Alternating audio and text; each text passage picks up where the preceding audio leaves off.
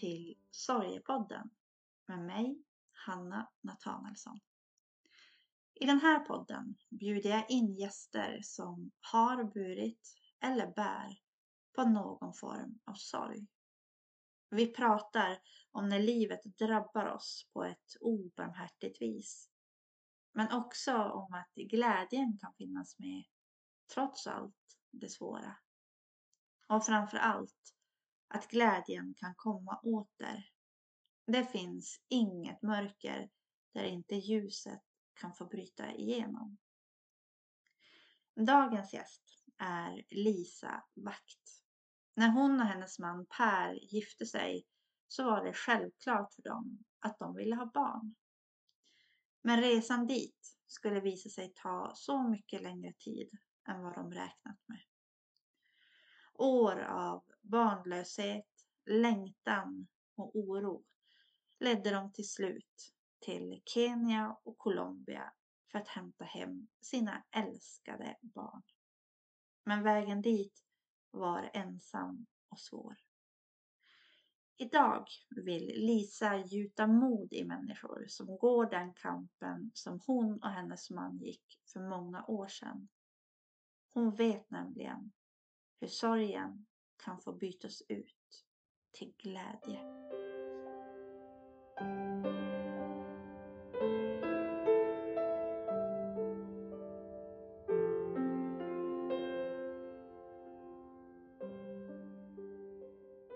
Välkommen till Sorgepodden Lisa Vakt. Tack så mycket. Tack för att du är här. Verkligen. Mm. Vi ska eh, prata om sorgen om barnlöshet idag. Ehm, för det är någonting som du har fått uppleva, du och din man. Ehm, och jag är så tacksam för att du vill berätta eran historia. Ehm, för att det finns så många människor som, som lever i det just nu ehm, och som har fått gå igenom det som ni har, eller liknande av det som ni har gått igenom. Mm. Så verkligen stort tack för att Tack du är här. mycket. Vill du berätta lite kort vem du är? Ja, jag är Lisa. 40 plus. Eh, gift med Per då. Vi har varit ihop i 18 år. Eh, och vi har idag två barn. Men vägen dit var rätt lång. Eh, jobbar på förskola sedan ett tag tillbaka. Lever på landet. Gillar att odla och ta hand om våra djur. Mm. Mm. Mysigt. Mm. En typ bondgård. Som- Ja, men eh, Ja. vi har ju djur och Ja. lever livet på landet. Ja, Mm. jag tycker det låter idylliskt. Ja. eh, du och Per, ni, ni träffades alltså för 18 år Ja. sedan? Mm. Ja, art- ja, drygt 18 år sedan för vi har varit ihop i 18 år. Just det. Mm. Och gifte er ganska snabbt? Ja, men det var väl lite som kulturen var. Att man träffade någon och sen, sen gick det väl rätt fort. Man tyckte man var gammal när man var 25 och inte var gift. Ja. Mm. Men det var ju som det var då. Men han var inte 25, han var... Han var 30 då när vi Mm. gifte oss sommaren 2006. Ja. Mm. Just det. Hade ni ett stort bröllop? Ja, eh, jag har stor släkt så att eh, det var ungefär 160 gäster bjudna på bröllopet. Oj! Ja, Oj, okej. Mm. vi fyllde Byholms kyrka under vigselgudstjänsten. Oh, Mm. vilken fest! Ja men det, det var liksom där vi ville fira, att vi skulle leva tillsammans. Mm. Att det var en start för oss tillsammans. Så fantastiskt. Mm. Eh, hur var det när ni, när ni träffades och sen när ni liksom, ja men livet tillsammans. Har ni alltid vetat att ni har velat bli föräldrar? Men det pratade vi nog om väldigt tidigt när vi träffades. Att det var liksom, ja men vi ville ha barn och leva och men en stor familj. Mm. Och det tänkte man ju, eller trodde, eller visste inte bättre än att eh, man trodde att det löste sig rätt så snabbt och smidigt. Mm. Men, eh, Vad, eh, hur många önskade ni? nej men, ja men tre i alla fall tänkte jag. Eller jag vet inte men man, var, ja, man hade väl en liten rosa skimmer också att ja, men på något vis att man gifter sig och sen inom ett år så är man förälder. Mm. Lite så var det ju. Det är väl Man så såg- kanske man också får uppfattningen av samhället liksom? Eller, Ja, speciellt kanske då frikyrkovärlden att nej, men man, man levde liksom i en subkultur där det var som man gifte sig och sen kom det barn på barn på barn. Mm. Och sen var man klar med det. Mm.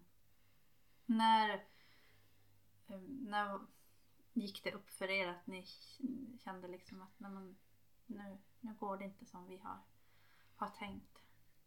Mm, ja, men man... Det, men det gick väl ett tag. Man tänkte att ja, det går ju kanske inte första försöket. Och sen eh, hade jag rätt jobbiga menstruationer. Eh, men vi kämpade på. Jag sökte hjälp en gång för eh, att jag hade ont men hon rekommenderade p-piller. Men det ville jag inte ha för jag, Nej. vi, vi tänkte ju att vi skulle ha barn istället. Mm. Men det var ju sommaren 2008. Så hade jag fruktansvärt ont och vi var på semester ihop med min, min svägerska. Eh, Och hon bara, så här ont kan man inte ha. Du måste söka hjälp. Och jag bara, ja, ja men det är alltid så här. Ja men så. Du har alltid haft det så eller? Ja, Mm. och, men eh, ja, men det, vi, man är kvinna och man ska, det, man, det ska göra ont eller Mm. man ska ha ont eller visste inte bättre heller. Mm. Så då när vi kom hem så sökte jag på gyn i Värnamo då. Och då hittade de stora chokladsyster på, mina, på min ena äggstock. Och de här, eller de så, visste ju inte att det var chokladsyster men de såg väldigt mörka ut. Då sa de vi måste göra en operation. Vad innebär det med chokladsyster? Men det är då, man misstänker att det är endometrios Mm. som, eh, och att det är blod då som bildas i cyster som blir blodfyllda cyster. Där- Därav chokladsyster. Mm. Så att tio dagar senare sen så var, var jag opererad. Det gick snabbt. Det gick snabbt, jag hann liksom inte ens... Ja, men, nej, men det är ju rätt otäckt att vakna upp och ja, men veta att man har en sjukdom också som endome- mm, endometrios som blev bekräftad under operationen då att man hittade härdar. Mhm. Så det fick du veta efteråt? Ja, Mm. det visste jag inte innan att jag led av.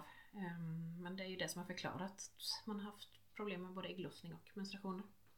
Var det någon, någon lättnad i att förstå alltså den här hemska smärtan du har varit med om och så att du kände att ja, men det, var, det skulle nog inte vara så här? Så Nej här men det var liksom också liksom att man visste att nej men då det är en sjukdom jag har som gör detta. Det är en medfödd sjukdom som som gör att mm, kropp eller cellerna inte kan ta hand om blodet i, som kommer på andra ställen, alltså utanför i kroppen. Mm. Och det kan börja växa här där. Egentligen överallt i hela kroppen. Mm. Och vad innebär det om man önskar att få bli förälder? Eh, försvårar det? Ja men många eh, gäng. Ja men det kan bli svårare att bli gravid spontant. Mm. Sen eh, kan det vara som så att man går direkt på en IVF för att det blir lättare då. Eh, Att man nedreglerar kroppen och sen så gör en IVF och sen, alltså för egentligen ska det inte finnas några större svårigheter att bli gravid eller alltså att få barn eller ett ägg att fästa så. Ja, Okej. Men eh, det är ju oftast att man har smärtsamma ägglossningar och smärtsamma menstruationer. Mm. Och efter operationen så hamnade vi också i en fertilitetsutredning då. Att vi hade försökt bli gravida i två år Mm.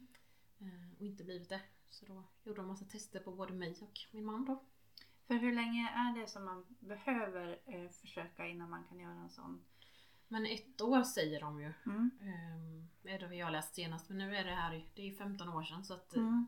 det har hänt mycket på tiden också. Mm. Men då sa man ett år. Mm. Men då hade vi ju försökt i två år. Två år. Tändes det ett, ett hopp i det? Eh, Nej men lite det här att ja men då kanske man får svart på vitt eller att man får en förklaring. Eller man hittar någonting Mm. hos någon av oss. Men Mm. För då utreder man båda? man utreder båda ja. Mm. Och massa olika tester gjorde man ju. Och man funderar liksom på Ja, eller på ett vis tror man ju att ja, men nu är vi i sjukvården och nu, nu funkar det, nu blir det bra. Mm. Men... Och hur var det att bli, jag tänker så här, granskad? Man granskas i sin egen kropp på något vis. Och, vad, hur var det? Nej men det är väl liksom också, ja men lite, det kändes som att de ville leta fel. Eller Mm. hitta fel. Och samtidigt så ville man ju hitta ett fel för att man ville bli gravid och man ville få barn. Mm. Mm. Hur länge på, pågick den utredningen? Men det var några läkarbesök under hösten. Mm. Och samtidigt så försattes jag i ett kemiskt klimakterie för att på något vis hålla endometriosen i schack. Eller man har ju försökt plocka bort alla härdar så man vill ju inte att något nytt skulle växa till då. Nej. Eh, Och så tror man liksom att eh, om man gör det en period och sen så att man försöker på nytt eh, att det ska bli lättare att bli gravid. Och en sån här nedreglering gör man ju också inför en IVF-behandling. Mhm. Mm. Och samtidigt blev vi också, vi fick en remiss till eh, IVF i Linköping. Mm. Så vi var uppe på, ett, på en träff där. Mm. Vi visste ju inte så mycket vad vi ville eller Nej. Nej, och även då när vi var uppe i Linköping på reproduktionsmedicinska som det heter. Det låter ju väldigt vackert. Mm. Så eh, väldigt sterilt och en väldigt känslokall läkare som bad mig ställa mig på vågen och sen räknade han ut BMI och sen vägde jag 10 kilo för mycket. Och där var det besöket över. Vad, eh, hur kändes det för dig? Men jag har ju varit överviktig sedan jag var liten så att liksom, det var ju också liksom det här att ha, är det det felet? Liksom att, Mm. mm, är det det som sätter käppar i hjulet? Eller vad ska vi göra? Eller hur ska det bli? Vad sa läkaren att, om det liksom? Nej men de sa ju liksom att du ska gå ner till ett visst BMI och när du har gjort det då kan vi fortsätta behandlingen. Mhm. Och där liksom kändes det ju, mm, är det det här vi ska göra eller finns det någon du- annan väg? Men jag tänker så här, blev du bemött med någon slags eh, eh, det låter väldigt hårt på något vis att få... Ja, och jag kan framkalla den där känslan inne på det där vita sjukhusrummet också. Alltså man, det var ju så kliniskt och för honom så var det liksom bara, ja han skulle bara bocka av allt i sitt protokoll inför. Ja. Och då var det liksom BMI som inte stämde. Eller var för högt så att då var det liksom bara återkom när det har gått ner 10 kilo. Mm. Så där, ja men ja, där tappade vi liksom lite hoppet. Eller jag kände att, ja. Blev du uppgiven liksom i... Ja, för att visst, jag ja, är överviktig men, men på något vis så klarar jag ett gott liv, jag lever. Ja, Mm. men, ja, försökte må bra under den här behandlingen också. Mm. Mm, så det, nej. Men jag tänker så här, vad gör det med en när... Då har ni ändå, ni har försökt att få barn i, i två år Mm. eh, utan lyckas. Du har fått veta att du har endometrios. Mm. Du får liksom tio dagar senare bli opererad. Eh, och du kommer till Linköping och de säger det här om övervikt och Mm. så. Det blir väldigt mycket, mm, vad ska man säga, mot dig och, och din, eh, din kropp. Alltså det som eh, vad, vad, vad gjorde det med dig Nej, i all den här, i den här processen? man blev väldigt nedslagen. Att man Mm. kände att nej, men jag duger inget till. Eller alltså, kan inte ens bli gravid. Eller Mm. det som är väldigt naturligt för många kvinnor.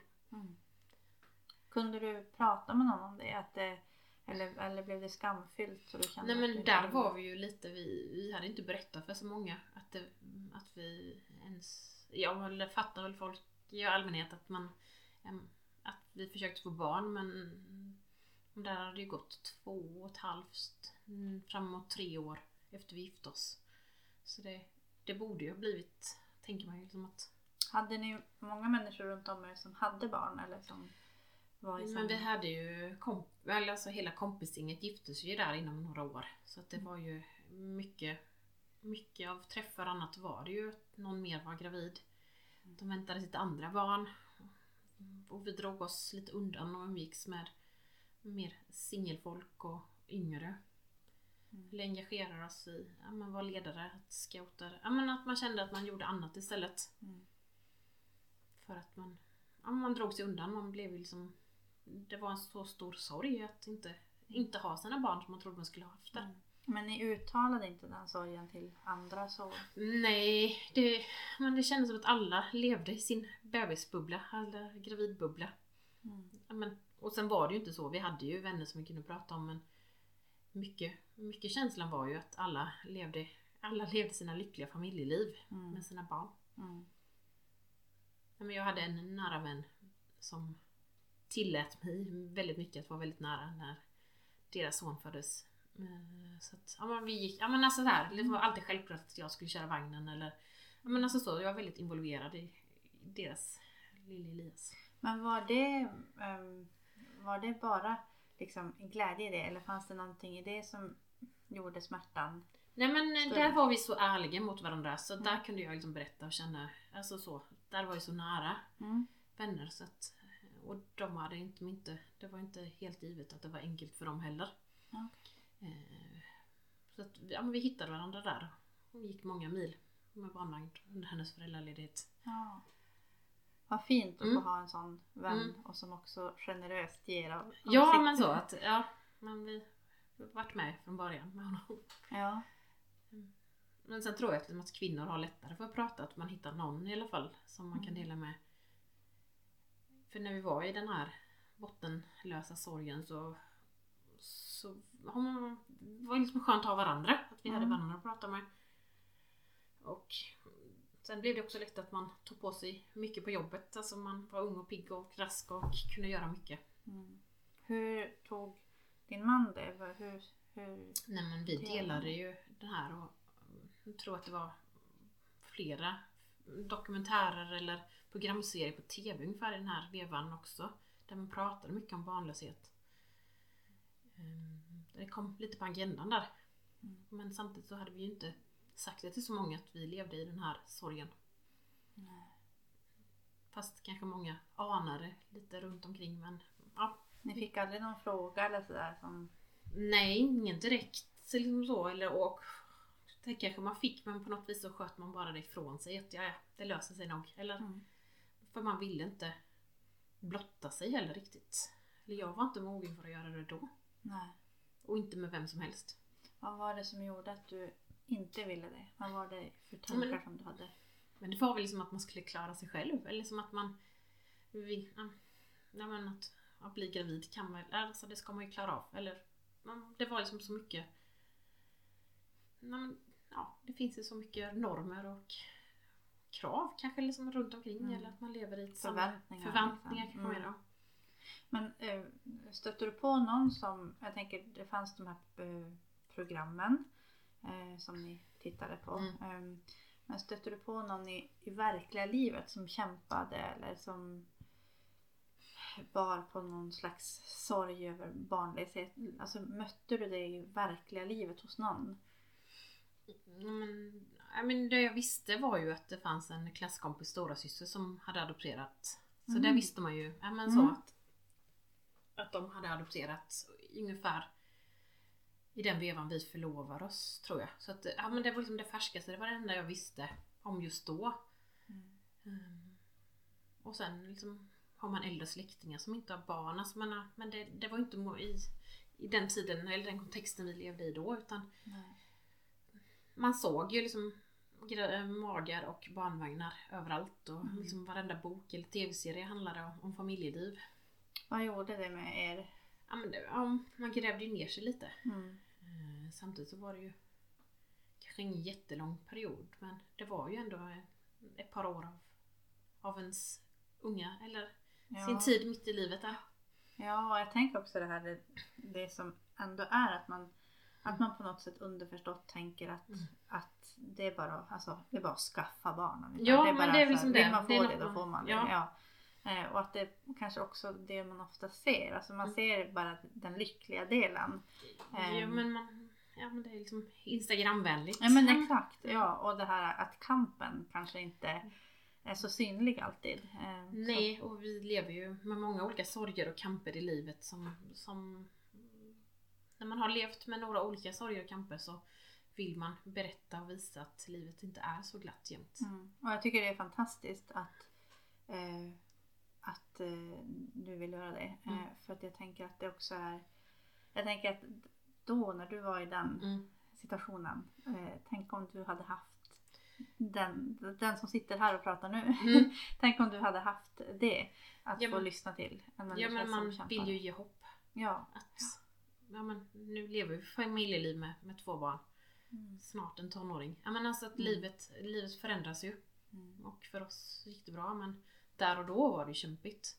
Var det någon gång som ni eh, var väldigt nära på att ge upp? Nej men vi gav ju upp den där IVF-tanken där rätt så snart efter vi varit i Linköping. Vad var det som gjorde att ni Ja men dels var det ju att jag orkade nog inte kämpa för de där 10 kilorna. Nej. Eh, och min man var rätt tydlig med att är det här rätt? Ska vi utsätta din kropp för de här behandlingarna som ändå är rätt tuffa när jag inte har mått bra av olika andra behandlingar. Jag genomgick ju en, en behandling under den här tiden där jag var i klimakteriet och mådde inte bra. Och det kanske han såg mer än vad jag gjorde. Mm. För han levde ju ändå med, med Mm. mig och jag på något vis så kan man nog leva med sig själv men att vara en bra partner den här tiden var jag inte. Nej. Men, Vad gjorde där behandlingen med dig? ja men man blev ju en klimakteriekärring. man, nej men Ja. svettningar på nätterna, man var sur och tvär. Jag blödde näsblod flera gånger om dagen. Oj, Mm. oj. På den tiden jobbade jag i kök med så att det var liksom bara Kunde du jobba? Eh, Ja men jag var ju ung. Alltså man Ja. biter ihop och jobbar. Alltså Mm. på något vis att, ja det är ju så här. Men det var liksom, mm, det är ont i huvudet konstant också men Mm. Hur länge pågick den behandlingen? ett halvår. Oj. Mm. Mm. För att man trodde liksom att det skulle bli lättare att bli gravid då. Och snabbt sen. Men eh, efter avslutad behandling och jag tror efter tre menstruationer så hade jag nya chokladsyster. Åh, Som jag fick söka för. Och hade nej. Jo. Det gick snabbt ändå att... Ja, så att då Första operationen var ju då i, i augusti 2008 sen är det ju november 2009. Mhm. Eh, När man liksom öppnar upp ja, samma, samma ställen i kroppen och plockar ut en ny cysta då. Och nya härdar. Oj. Och då säger liksom efteråt när jag träffar gynläkaren så säger hon liksom att du bör ju inte ha några menstruationer mer. Mhm. Och där och då så blev det liksom att vi kände att nej men nu får det bli något annat eller mm, mm, vi kan nog inte hålla på mer eller vad ska vi göra? Mm. Fick du ny behandling då eller som gjorde nej att- men då blev jag satt på en på p-piller Mm. så att jag är som eller minipiller som gör att jag inte Nej. blöder överhuvudtaget. Så att jag har ingen ägglossning. Nej. Och heller inte ont Några. då eller? Nej, nej men jag har inte haft ont under den tiden. Sen, sen är det väl som att man har, haft ont under hela sitt liv så att man har rätt hög smärttröskel. Mhm. Så att jag kanske har ont fast jag inte vet om det. Det är så galet att man, eller, Ja. men kvinnohälsovården är ju lite eftersatt. ja verkligen. Rätt så snart där eh, efter operationen så bestämmer vi oss för att om vi skickar in våra papper och ansöker om adoption. Var, ni, var det ett så här självklart ja från er båda? Att det är klart att vi gör det. Ja men både Per, eh, per och jag har vuxit upp med grannar och kompisar och klasskompisar som har varit adopterade. Mm. Och liksom där fanns det ju min klasskompis storasyster som jobbar i samma hus som, som man ändå visste om. Den enda som har adopterat i, i modern tid som jag visste om just då. Men, Mm. men där, nej men vi var nog, vi hade landat där efter andra operationen. Att, Och hur lång tid har det gått då? Alltså från att... vi är ju i november 2009. Så det är drygt tre år sedan vi gifte oss då. Men, men ett år sedan som egentligen det här Ja, den första operationen. ja det var ju i augusti 2008. Just det. Mm. Mm. Så det har ändå gått en, en bra tid. Mm, det är liksom ett, ett drygt år däremellan som ändå vi har funderat. Vi har varit i Linköping. Och men liksom adoption har vi nog pratat om men vi har liksom ändå känt att man tänker nog att man ska att Sjukvården pratar ju om IVF som första steg. Mm. De, de har aldrig sagt något om adoption Nähä, under den tiden. Utan det är det vi har letat upp själva. Jaha. Men sen innan jul där så skickade in ansökan att gå med i två olika adoptionsförmedlingar. Mm. Och vi skickar in en ansökan till kommunen om att få göra en medgivande utredning och gå föräldrautbildning. Men du, när ni valde att göra det. Ja, Eh, blir det... Eh, då tänker jag så att då, då tar ju som en ny tid vid. mm, Eh, och kanske ett nytt hopp.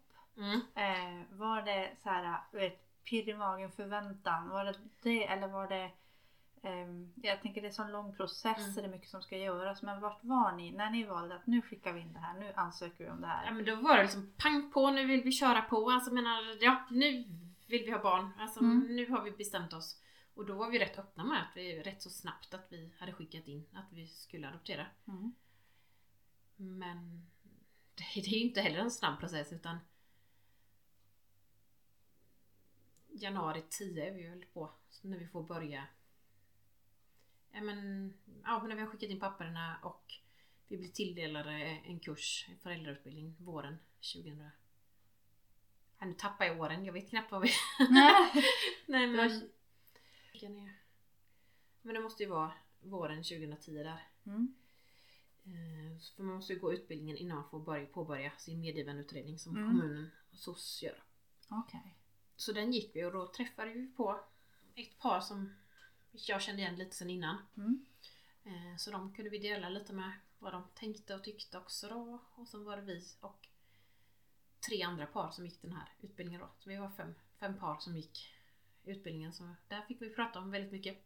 Mm. Och liksom tänka liksom att föräldraskapet till ett vuxet barn så vet man liksom inte ens när man får sitt barn. Så att, det- ja, Nej. det var väldigt mycket nya tankar och funderingar.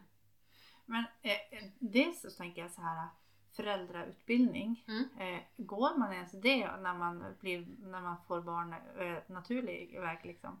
Nej men det är väl någon träff via mödravården på något vis. Ja. Eller familjehäl- Ja. f- kvinnohälsovården. Nej, tänker jag jag vet- att... Eh, ja, Nej men det är inte Mm. så förberett på samma vis. Nej, utan, och precis. grann, nej men det var ju som, ja, för där fick vi ju ändå diskutera väldigt mycket dilemman och vi såg filmer och vi träffade en familj som hade adopterat nyligen då. mm. Så där, ja. Men hur var det att gå från att eh, bara du och din man har, Mm. har levt i den här ni har försökt få barn, det, det har inte gått och det har varit mycket, ändå varit mycket tråkigheter och kanske som ni har burit tillsammans Mm. men, men ensamma ni Mm. två. Eh, och så kommer ni, väljer ni det här, så kommer Mm. ni till det här sammanhanget där ni får möta människor som står i precis samma situation som er. De vill också adoptera. Helt plötsligt så får ni prata med andra eh, som är i eran Mm. sits liksom. Eh, och ni får, eh, det, det låter som att då kommer ni in i en, en ny fas verkligen. Ja men det blev ett nytt sammanhang. Liksom att Mm. man hittade nya människor och via ena adoptionsförmedlingen som vi var anmälda till så hade de lite träffar och sånt där och då ja, men att man visade sig ibland ja, men att vi ska adoptera bland Mm. sådana som har adopterat. Så det blev liksom en helt ny värld. Eller en helt Ja. ny familj får man ju säga. Eller Ja, ett umgänge som man inte hade haft tidigare. så fantastiskt ändå. Mm. att Nej, men där, och där trodde vi ju liksom att det här tar inte så lång tid men det tar ju alltså, allt tar ju tid i den här världen. Mm. Hur hanterar ni det? Nej men man vet ju aldrig hur lång tid någonting tar. Nej. Eh, vi hade lite problem med kommunen. De saknar väl personal och erfaren personal att göra sådana här adoptionsutredningar för medgivande. Mm. Så det tog ju lång tid innan vi fick medgivandet från kommunen då. För det är ju det som gör att man sen kan söka via en förmedling. Mm. Just det. Och dels tar det ju tid men sen var det också väldigt tuffa intervjuer och man ska hitta referenser och som vill, någon som vill ställa upp och gå god för en. Det Ja. det handlar om. Man ska ha utdrag från från belastningsregister, man ska ha utdrag från Kronofogden, alltså det är mycket sånt här. Mm. Och läkarintyg att man är frisk. Mm. Och även om man nu inte är frisk eller alltså så, så måste man ju ha intyg på sina sjukdomar att de inte förkortar livslängden. Jaha. Mm. För det någon rädsla hos er att ni inte skulle så kallat gå igenom? nej, det, det tror jag inte vi hade då. Utan det var liksom någonting man bara ville skulle bli färdigt. Mm. Ett, att få det här medgivandet. Men det dröjde ju till april 2011 innan vi fick det då. Alltså innan ni blev Godkända, av- godkända? Eller ja, innan kommunen hade gjort färdigt sin sammanställning och socialnämnden hade klubbat detta. Och när det blir så, Mm. då är det ändå en process kvar? För Ja, då men det är själva- liksom det här bara att man är godkänd ja, Mm. för adoption. Just det. Men sen är det ju att det ska ju utredas så att det inte blir fel. Alltså det barnen som har ett behov får inte komma i orätta händer heller. Nej. Så att när vi hade 30 och 35 års kalas i maj 2011 så berättade vi för alla våra kompisar att vi skulle adoptera. Hur var det? Ja men det var lite, ja, men vi var ju så inne, vi hade ju liksom bearbetat detta väldigt länge. Våra familjer och de närmaste vännerna visste ju om det.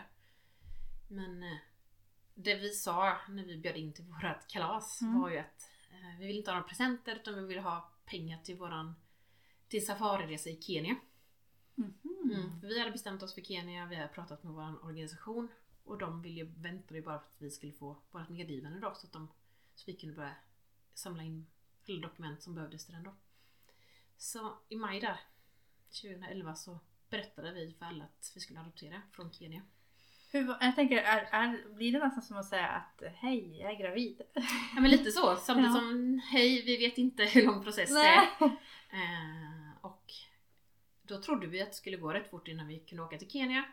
Och vi visste att vi skulle vara länge i Kenya. Mhm. Länge som i 5-9 månader. Ja, Oj! mm, men... Och då trodde vi verkligen att vi skulle kunna åka under hösten. För, eh, Hösten 2011? ja Eller- precis. mm. Okej. Mm. Så vi, vi laddade för det i alla fall. Mm. Mm, och ja, man började prata på jobbet. Alltså man tänker liksom... För vi, vi började fixa alla intyg. Det gjorde vi på två veckor där sen. Och så skickade ner allt till våran organisation. Ja, allt var ju klart så de kunde skicka våra handlingar till Kenya i juni sen då. Så att vi fixade det på en månad. Mm. Och då tänkte vi liksom att de, vi visste att i Kenya har de möte en gång i månaden. så att, ja men det kommer vi inte. De Ja. kanske har semester men i augusti så är vi nog godkända i Kenya och så Ja. går det fort och sen ska man ju helst vara i Kenya inom 30 dagar. Oj, jaha, Ja. okej. Mm. Eh, ja eller de har, ja men först har de 30 dagar på sig ett, med barnbesked och sen ska man liksom komma ner inom 30 dagar. Mhm. Alltså när man väl får barnbesked så vill man ju åka samma Ja, dag helst. ja, det är klart. Ja. Ja. Men eh, där drog det iväg också. Så att, ja, men den här hopplösheten att ja, vi planerar, vi har en agenda och sen så kan vi inte styra saker. Det är ju det är hopplöst eller väldigt jobbigt. Mm, mm. Eh, Man börjar prata på jobbet om man ska vara föräldraledig. Och så, ja, fast när? Jag vet inte. Nej, men någon gång i höst. Ja. Vi hyrde ut vårt hus. Jaha. Eh, och flyttade ut där. Vi flyttade in hos min brors fru och lille son. Eh, I ett kök och två rum i deras hus. De bodde på övervåningen och vi var där nere för de skulle renovera sen. Mhm. Men vi skulle ju bara bo där någon månad så det Mm. var ju lugnt. Mm. Mm. Men det blev ett halvår. Nej! ja. Nej! När blev det att ni fick åka då till Kenya? I eh, februari 2012. Oj. Oj! Mm. Ja, det var, en, det var Det var inte lite- som ni hade tänkt. Nej, men då var det också massa... eh, Ja, man vet ju inte alltid vad det är för bekymmer men det var ju någon som skulle ha en auktorisation som inte var färdig. Alltså, Mm, mm. Men alltså hur, hur var det att sätta sig på planet och veta att nu åker vi två stycken och när vi åker hem så ska vi vara tre? Ja men det var ju någon hisnande känsla, alltså jag menar... Nej men hela den dagen man liksom fyllde bilen med resväskor. Eh, min, man, och hans, min mans föräldrar och syskon följde med upp till mina föräldrar. Det är Mm. 12 mil emellan. Mm. Vi åt mat där tillsammans. Eh, några eh, som har betytt väldigt mycket för mig under min uppväxt var på plats och åt mat med oss. Oj! Ja, de har själva, ena paret har adopterat två barn från Ryssland. Och de barnen är vuxna idag men alltså det är också så här som har funnits som man har vetat Mm. om. Så de var med och åt mat där. Det är också så här, familjen är större än familjen. Ja. Eh, och sen åkte vi upp till flygplatsen i Linköping och där blev vi avvinkade med fyra resväskor och en barnvagn. Men alltså hur var känslan? Ja men det är liksom, nej men den där packningen och man visste inte Vi visste liksom inte om, det bara, om vi klarar oss på fem månader eller om vi ska vara borta nio månader. Nej, ni visste inte det då? Nej, Nej. för processen i Kenya är ju att man är på plats i tre månader som fosterfamilj åt barnet. Eh, Där man får ha barnet i sin vård. Och sen börjar den juridiska processen Mm. med två, två besök i domstolen och ett tredje där man får ett domslut. Mm. Och sen några veckors eh, fixande av papper efter det. Mm. Nej men där visste vi ju liksom inte vad som väntade utan vi visste ju att vi kommer ner, vi får vårt barn och sen så tar det den tid det tar. Visste ni att det var en pojke? Jo men den 7 februari fick vi ett besked om att vi var godkända av den stora organisationen. Mm. Eh, Och efter det då skulle vi få ett barnbesked inom 30 dagar. Mhm. Så då kände vi att ja men nu är det nära. Mm. Eh, och sen den 9 februari fick vi barnbesked. Så det var liksom bara två dagar emellan. Och då sa de att det var en pojke. Ja men då fick vi ett dokument, vi fick en bild. Jaha! Ja. Oj. Eh, och Hur ja, var det? ja men det var ju spännande. Att få se Min bild? man fick mejlet först på sig, eller han fick Ja. samtalen och mejlen. Han ringde mig på jobbet. Och vi öppnade liksom samtidigt bilderna, ja men så lite. Jag stängde dörren på kontoret på jobbet och bara öppnade det här. Och jag bara fryser i hela Mm. kroppen. Nej men det var liksom också, så var det en, en ideell, jag jobbade på Kungsporten då. Så Mm. att vi hade en som var ideell ledare. Som också hade adopterat barn som vi har delat mycket med. På morgonen samma dag så var jag frustrerad att det kommer liksom ta tid. Och så två timmar senare får vi ett barnbesked. Alltså, nej men det är också så här liksom att man ändå hittar människor som betydde väldigt mycket under tiden. Som man kunde, som kunde vara med en i sin process. Ja. Wow. Alltså vilken eh, hisnande resa. För jag tänker, och, och verkligen den här eh, från den eh, så tunga sorgen till Mm. att, eh, för att inte kunna bli förälder till att ändå till slut få nu ska ni få bli föräldrar. Ja, men man liksom. satt där på planet. Nattflyg var det ju, men man sov ju inte så mycket. Nej. nej, men, nej men första Linköping Schiphol var ju bara två, eller en kort flyter och sen Schiphol till Kenya, Nairobi. Alltså den flygresan, jag vet inte, man satt nog vaken hela natten. Ja. Alltså. Och man visste ju inte. Men det var ju ett äventyr. Vi hade ju valt. Eh, vi visste ju att vi skulle vara länge i Kenya men det gick ju fort ifrån att vi hade bestämt oss tills vi kunde resa. Mm. Och tänkte att vi sparar våran kötid så att vi eh, inte behöver stå så länge i någon organisation till, om vi ska ha fler barn sen. Mhm. Mm. Mm. Ja, men alltså, vi ville snabbt. Vi kände Mm. att vi, vi hade fyllt 30 och 35. Vi ville, ville ha ett barn snabbt. Mm. Och att man också vet att det tar tid. Ja, det- och vi kände liksom att ja, men jag har jobbat sen studenten, min man pluggade först och sen har han jobbat. Så att, ja, men vi kände att vi, ville, vi Ja, hade tillfälle att göra en, ett äventyr. Ja, Och det blev det det blev det. Hur länge var ni borta? Nio och en halv månad var vi i Kenya. Oj, Mm. det är lång tid. Ja, men vi hade ju också besök och vi levde ihop med, eller levde ihop med, men under tiden vi var nere så var det ju flera andra svenska familjer som var nere samtidigt. För Man kom ju ner när man fick sitt barnbesked och resebesked. Och sen var man ju kvar under sin juridiska process. Mhm. Så att, ja, vi kom några stycken i taget och någon åkte hem och det var både svenska, danska, norska, holländska familjer vi levde ihop med. Mm. På lite olika sådana här hyres... Ja, vi levde liksom i varsin lägenhet på stora inhägnade områden. Mm. Var det mycket förväntan i de där lägenheterna? Men så var det ju. Och, ja, men också att det blev ju typ av föräldrahäng eller öppna förskola. Man träffades och man sågs vid poolen eller på något café eller ja, man levde tillsammans. Men hur var det, jag tänker efter all den här längtan, att helt plötsligt ändå till slut befinna sig i det där du har längtat efter i så många år. Kunde Ja, du men- ta till dig att det är nu det händer eller?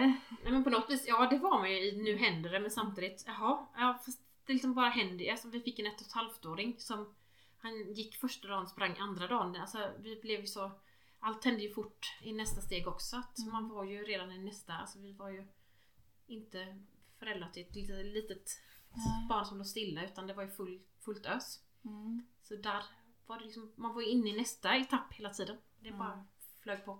Mm. Hur, var, hur var det? Kändes det... Var det bara att eh, följa med eller var det någonting i det som kändes tungt eller svårt? Liksom? Nej men sen är det ju Vi hade ju god hjälp av andra föräldrar som har varit där eller andra familjer som hade varit i Kenya en period. Mm. Det var ju lätt att hitta Hitta någon att prata med eller dela. För alla hade gjort samma resa där. Mm. Helt plötsligt så är ni i ett sammanhang där ni är, där, där ni eh, är som de andra.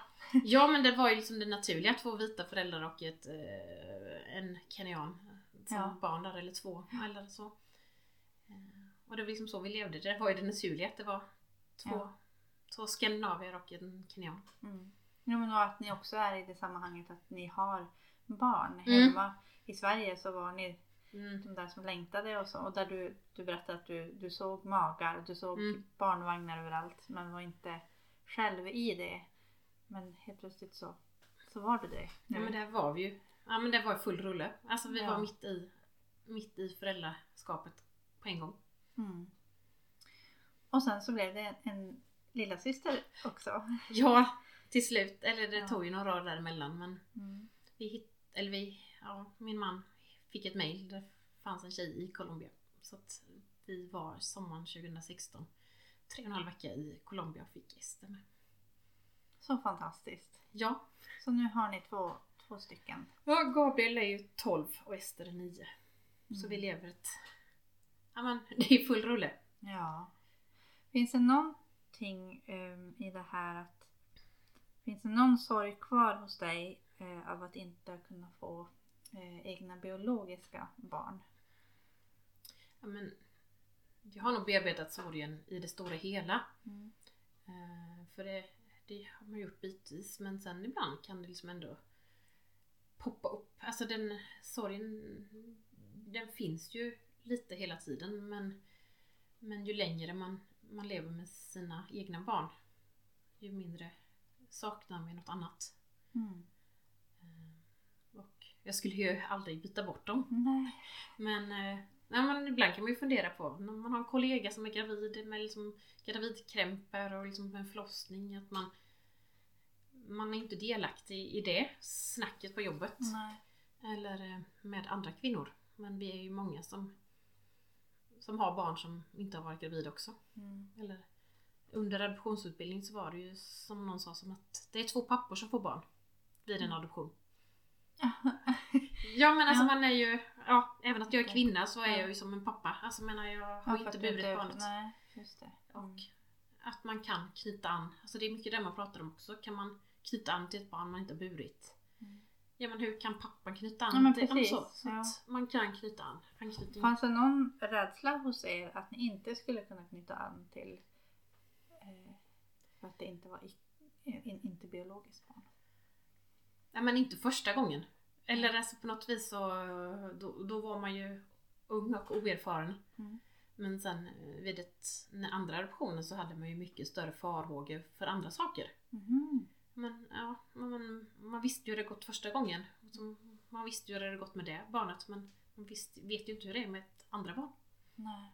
Det är en annan världsdel, en annan kultur. Mm. Det är ju också en aspekt som man Mm. inte behöver ta liksom, hänsyn till i, när det är biologiskt. Eh, det, Men sen är det ju många idag som har barn med olika partner och liksom att vi lever ju i ett annat samhälle också. mm, Att, att familj, det kan man bli på så många olika sätt. absolut. Har ni upplevt några fördomar eh, från människor runt om er mm, utifrån er situation? Nej, inte som familj. Sen har liksom Gabriel blivit utsatt som mörkhyad men vi har inte blivit, inte så mycket utan det har varit mest varit, eller i princip bara varit positivt. Och när vi kom ut, kom ut lät det som att, att vi skulle adoptera så var det väldigt många som hörde av sig att "Åh, vi har kämpat länge. Jaha! Ja, alltså det här... Öppnade dörren till? Men det var liksom att eh, ja, men flera nej men vi har gjort IVF fast det blev inget. Alltså så. Alltså att på något Vad- vis så var vi de som, vi ställde oss i skyltfönstret. Ja. Och det är vi tacksamma för och ställer gärna upp och frågar och pratar. ja. Jag pratar gärna om adoption men det finns många sätt att bli familj på. Mm. Och många barn som behöver en trygg familj. Mm.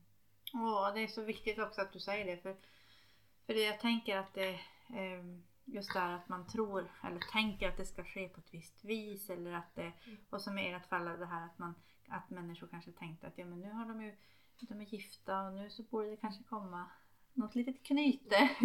Bara poppa upp sådär. ja. Mm, Nej, men just det här att det, det finns så mycket tankar och Mm. eh, föreställningar. Mm. Eh, och som verkligheten ser så inte alls ut så för många människor. Mm. Eh, och jag tycker det är så fantastiskt att du vill ställa dig i det där skyddsfönstret eh, och berätta ehm, hur det har varit. ehm, och att öppna den dörren Mm. för människor som behöver det. Mm, och jag och min man vi sa liksom mitt i de här botten djupa eller bottenlösa dagarna som var att vi har varandra. Mm. Att det är inte givet heller att, men att man har en partner eller att man har någon del i livet med heller. Utan man kunde lika gärna varit singel och levt i detta. Mm. Men vi, vi har varandra och det säger vi fortfarande när det kommer nya kriser. Eller sorger eller vad det nu kommer i livet. Mm. Men vi har varandra och vi stöttar varandra. Att vi är två. Så fint Mm. att ni har eh, att ni ser det så. Att, verkligen, att ni verkligen tar vara på varandra i Ja men det är livet. liksom det man lovar. Eller man önskar i alla fall att man, det är det man lovar när man gifter sig. Att man ska med, med och motgång att ta vara för, på varandra. Mm. De fler som finns i ett, ens hem. Ja. Men ni har fått prövat. Ja men det har vi. Mm. Det har ni. Men, men så Men på något vis lever eller ja. Nu, nu kommer det nära för nu blir jag liksom känslofylld av det när vi har pratat om det men Mm. annars så har, vi lever ju vårt liv som en småbarnsfamilj eller tonårsfamilj snart men Ja. ja, nej men alltså att det här det ligger en bit bakom och det är kanske därför man kan prata om det också att det är inte färskt längre. Mm, när det var färskt, var det, eh, ville du hellre vara tyst om det då? Eh, för att klara? Men det var liksom ett sätt, eller det var liksom det, det skyddsvärnet man hade. Att Mm. inte prata om det. Mm. För att eh, hade någon börjat prata med mig så hade jag nog brutit ihop. Eller så det var liksom så man kände att fråga någon någonting om barn så så nej men bit mig i tungan. Nej, men alltså, Mm. så, jag vill inte prata om det för jag kan inte för att det är för känsligt. Mm. För det var liksom det man var upptagen av 24-7. Mm. Och samtidigt som jag också tänker att eh, det är väl också samhället vi lever i men det är ju också verkligen så okej att bryta ihop. Mm, Att men det, liksom- jag tror också att det har förändrats på 15 år. Ja, Lite just mer. Det, just vi har blivit... Mm. Ja, men vi, har, vi har kommit så mycket med psykisk ohälsa och Mm. annat också. Att, att, ja, eller också bara Instagram. Att det stö- Vi Mm. kan inte bara visa upp de bra sidorna utan vi måste dela livet med varandra. Verkligen. Men du, om du skulle få rikta dig till människor som är i den situationen som ni var för, för 15 år sedan. Eh, där, eh, där hopplösheten fyller hela, hela själen. Mm. Eh, för de har, de har försökt och hoppats och, och lever Mm. liksom i detta. Eh, vad, vad skulle du vilja skicka med till dem? Man skulle ju vilja krama om varenda människa liksom och säga att det finns hopp. Mm. Att det går att få bli familj på något vis ändå. Mm. Att det finns, finns barn som söker familj. Eh, Men samtidigt är det ju en bottenlös sorg när kroppen inte fungerar som man vill. Mm. Men, men, men sök hjälp i tid. Mm. Eh, Gå inte och vänta för länge. Nej. Och när... Om, om det blir konstaterat att det heller inte går så kan det få gå på andra vis. Ja, Eller- och det mm. finns menar, alltså, adoption, IVF. Alltså det finns så Mm. många kemiska behandlingar. Det finns Mm. barn som söker familj. Man kan ta hand om andras barn. Man kan Mm. få bli extra familj. Mm. Men, men jag förstår verkligen den längtan som finns att få bli förälder. När var första gången som du fick höra någon säga mamma till dig? Mm, ja, men det, alltså, ja, jag kan liksom komma ihåg där när vi sprang eh, på gräsmattan i Kenya där vi bodde. Ja, men liksom det här lilla glada knytet som bara mamma. Ja, men det, är- ja, det är sådär. Ja. Ja. Vad, vad liksom hajade du till? Eller sådär? ja men för man... Var det mig han menade? Ja men lite så, den känslan är det. Liksom, nej men jag vill inte, nej men jag är Lisa. Ja, men så, att, Ja. så kan det ju fortfarande kännas liksom att men jag är verkligen mamma. Ja. Ja. Det måste vara så speciellt att få höra det. Eh, Mm. Och vi då som fick stora barn på en gång som kunde prata. Alltså menar, Mm. det var ju också att man kunde knyta an till det. just det. Liksom att man fick barn som pratade rätt så tidigt. Mm. Du behövde inte vänta Nej. många dagar på att få höra mamma, pappa. Var det så? Att det Mm. gick Det gick snabbt. så häftigt. Mm. Det är så coolt. Men eh, kan du se att, eh, för jag tänker att de kanske inte, eh, ni har ju inte det, det biologiska utseendet, men kan du se dina barn hur de anammar era eh, lite så där, eller att de är lika? Kan I- säga så att ja, men, ja, han är lik mamma eller han är lik... Jo, och där kan ju speciellt våra föräldrar Mm. berätta liksom, när du var liten så gjorde du på samma vis eller ja men så eller att min vår dotter är väldigt lik min lilla syster och ja men sådana här saker. ja. Ja. Ja. ja men liksom man vill och som på något vis man vill ju se de här likheterna också. Att, Mm. och de sociala likheterna Mm. är ju mycket viktigare än de utseendemässiga. Precis. Mm. Ehm, Att man går på samma vis eller att man pratar på samma vis eller Samma skrattar, uttryck, ja. skrattar åt samma skämt. Det är, liksom, Ja. det är nog det största, att man, man kan dela skrattet eller liksom skämten med sina barn. Det är så häftigt att få efter all, all kamp och liksom att det verkligen får och jag skulle också bara vilja få skicka med dig till den som lyssnar även i andra situationer. Alltså just det här med att inte ge upp hoppet. Eh, Vi människor kan verkligen leva i hopplösa situationer. Mm. Eh, Men att det verkligen, verkligen kan få finnas hopp och att ibland så ser inte det där hoppet ut som man hade tänkt från början. Eh, Men att det kan få bli väldigt, väldigt att utgången kan få bli fin. Även om det inte blir som man, som man tänkte vid första. Nej men det blir bra ändå. Mm. Alltså, Det kan verkligen få bli det. Mm. det. Är det någonting som du känner att vi har missat? Eller som du känner så att du vill skicka med eller bara säga som sista ord? nej men sök hjälp, prata med en vän. Alltså Mm. öppna upp dig för vad den gäller i livet. Vi måste bära varandra. Mm. Så fint. Tack snälla Lisa för att du har gett av dig själv och eh, din och Pers eh, historia. Eh, jag är så tacksam för det och jag är alldeles säker på att det finns fler som är tacksamma för det. Eh, så tack för ditt mod eh, och för din eh, generositet att, att bjuda in lyssnarna till, till detta.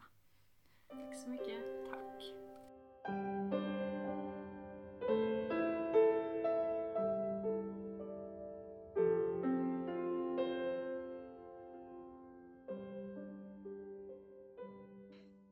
Tack för att du har lyssnat till Sorgepodden med mig, Hanna Nathanaelsson. Dagens gäst var Lisa Vakt.